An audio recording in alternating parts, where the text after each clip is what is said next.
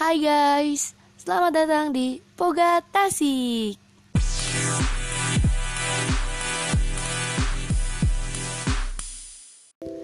Buat kalian yang baru dengerin podcast gue, kenalin, gue Dira. Di episode kali ini, gue mau ngebahas tentang percaya diri. Um, by the way, apa kabar nih? Masih pada sehat nggak?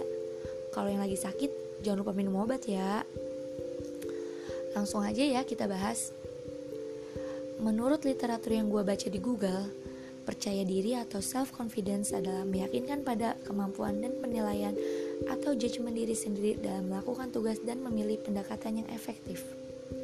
Maksud dari kata-kata itu adalah kita percaya dengan kemampuan yang kita miliki dan kita dapat menilai diri kita sendiri.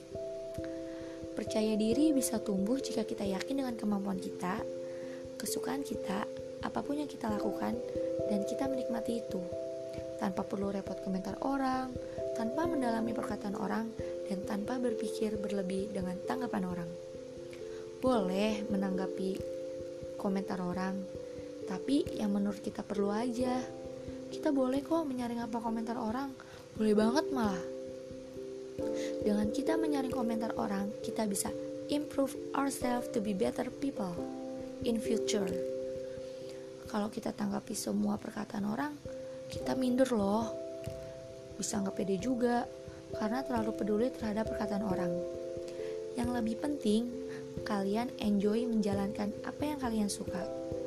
Semua orang tidak mungkin akan suka sama kita, dan semua orang juga tidak mungkin akan membenci kita. Akan ada orang yang benar-benar mencintai kita dan bahkan mendukung kita. So, just be yourself and you will feel better. enjoy my podcast and see you in the next episode. Bye.